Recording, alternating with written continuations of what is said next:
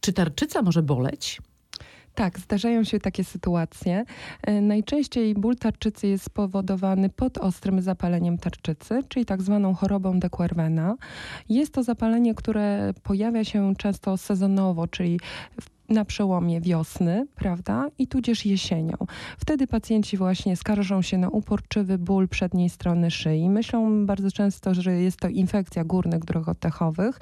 Ten ból bardzo często im promieniuje do ucha. Mają do tego podwyższoną EB, mają podwyższoną leukocytozę i dopiero na końcu gdzieś pojawia się myśl, że to nie jest infekcja, tylko podostre zapalenie tarczycy, które wymaga konsultacji właśnie u lekarza endokrynologa Leczy się je początkowo niesterydowymi lekami przeciwzapalnymi y, i zwykle wdrożenie tych leków pozwala na to, że pacjent y, ma ulgę, to znaczy ból szyi ustępuje, ale niektóre przypadki wymagają wdrożenia również sterydów na pewien okres czasu. Jeżeli po włączeniu sterydów ból ustąpi w ciągu 24 do 48 godzin, to jesteśmy pewni, że na pewno było to podostre zapalenie tarczycy, czyli choroba de Quervena.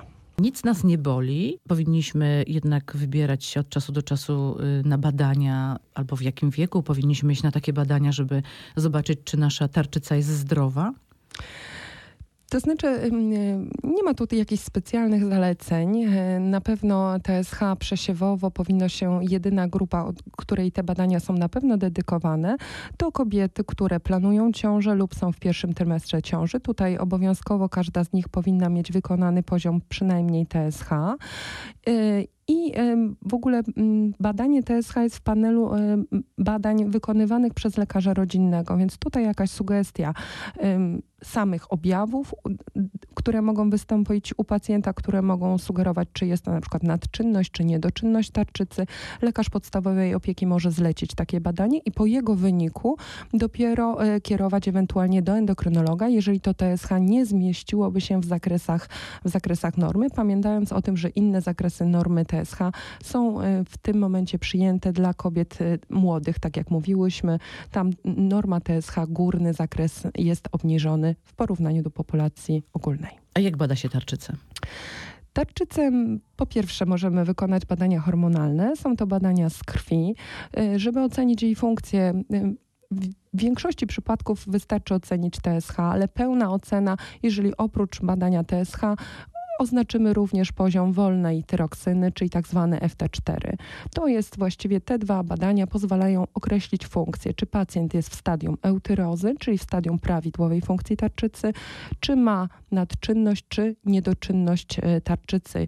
I to oczywiście w formie, czy to jest nadczynność subkliniczna, czy niedoczynność również e, na poziomie subklinicznym ale jest to badanie oceny czynności tarczycy. Ta czynność tarczycy u większości osób jest prawidłowa. Mało kto ma zaburzenia funkcji tarczycy. Natomiast morfologicznie tarczycę oceniamy w badaniu USG które, y, że tak powiem, wykonują lekarze różnych specjalności.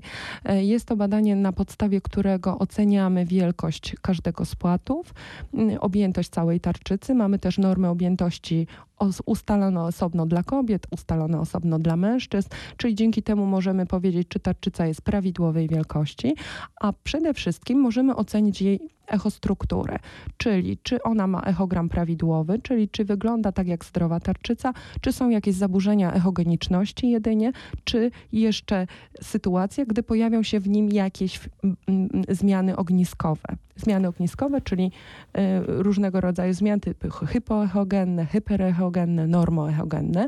Bardzo musimy... skomplikowane określenia bo musimy pamiętać, że aktualnie zmieniła się jakby troszeczkę rozpoznawalność różnych chorób e, tarczycy. Już w tej chwili my rzadko kiedy jako endokrynolodzy badamy u pacjenta w tarczycy e, zmianę ogniskową, czyli możemy powiedzieć, że ma guska w tarczycy. Większość w tej chwili rozpoznań wola guskowego to są rozpoznania nie tyle z badania palpacyjnego wykonywanego przez lekarza, ale z badania ultrasonograficznego wykonywanego albo w sposób od razu dedykowany tarczycy, albo przy okazji innych badań, na e, przykład USG piersi. Na przykład, y, czyli USG piersi, badamy USG piersi i tarczycę też możemy sobie zbadać razem. Natomiast y, czy problemy z tarczycą oznaczają także problemy z wagą naszą? Tak, jeżeli mamy zaburzenia funkcji tarczycy, czyli jeżeli mamy niedoczynność tarczycy, czyli podwyższony poziom TSH powyżej górnej granicy normy, to już to powoduje zmniejszenie metabolizmu u pacjenta, zatrzymanie w pierwszej kolejności wody, a potem spowolnienie czyli? metabolizmu, czyli wzrost ciężaru ciała. Tyjemy.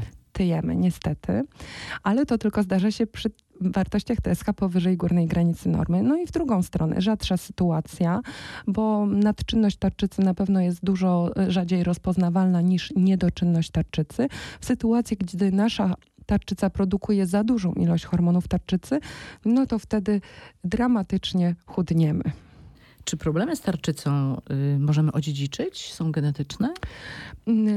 To jest dość trudne pytanie. Na pewno wiemy, że e, są e, nowotwory tarczycy, głównie tutaj myślę o raku rdzeniastym tarczycy, który mm, w 25 co najmniej procentach e, ma postać tak zwaną rodzinną, czyli dziedziczoną w sposób genetyczny. Natomiast o innych chorobach tarczycy, tak jak mamy całe choroby, na przykład rodziny z chorobami autoimmunizacyjnymi tarczycy, czyli na przykład z chorobą Gravesa Basedowa, część osób w rodzinie ma, druga część ma chorobę Hashimoto, to raczej mówimy o skłonności do zachorowania na autoimmunizacyjną chorobę tarczycy, nie o bezpośrednim dziedziczeniu. A czy przy leczeniu tarczycy jesteśmy skazani już na przyjmowanie lekarstw do końca życia? To zależy, e, jaką chorobę leczymy. Jeżeli mamy niedoczynność tarczycy, to na ogół trzeba się nastawić na to, że jest to leczenie przewlekłe, trwające przez cały okres naszego życia. Y, jeżeli jest to y, na przykład choroba Hashimoto. Mogą być też postacie, które ustąpią, bo na przykład poporodowe zapalenie tarczycy nie zawsze wymaga leczenia, jeżeli jest to w formie niedoczynności tarczycy, więc nie zawsze wymaga leczenia na cały okres czasu, ale jeżeli jest to choroba Hashimoto, to w większości trzeba się nastawić nastawić na leczenie przewlekłe. Natomiast jeżeli pacjent ma nadczynność tarczycy, to tutaj mm, w zależności od tego, jaka jest jej etiologia, bo jeżeli jest to choroba Gravesa basedowa, no to tutaj mm, raczej pacjent zawsze będzie w jakiś sposób leczony, bo jeżeli ma nadczynność tarczycy, to raczej staramy się rozwiązać jego sytuację w drugą stronę, czyli najczęściej leczymy jodem radioaktywnym po to, żeby zrobić stan odwrotny niedoczynności tarczycy, bo i wyrównać w sposób kontrolowany funkcję tarczycy podawaniem hormonów tarczycy. No i wtedy też już mamy to jako leczenie przewlekłe.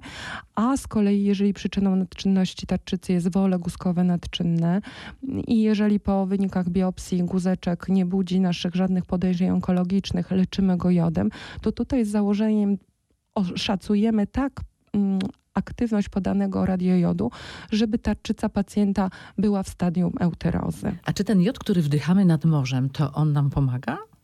Ja, czy to jest jakiś mit?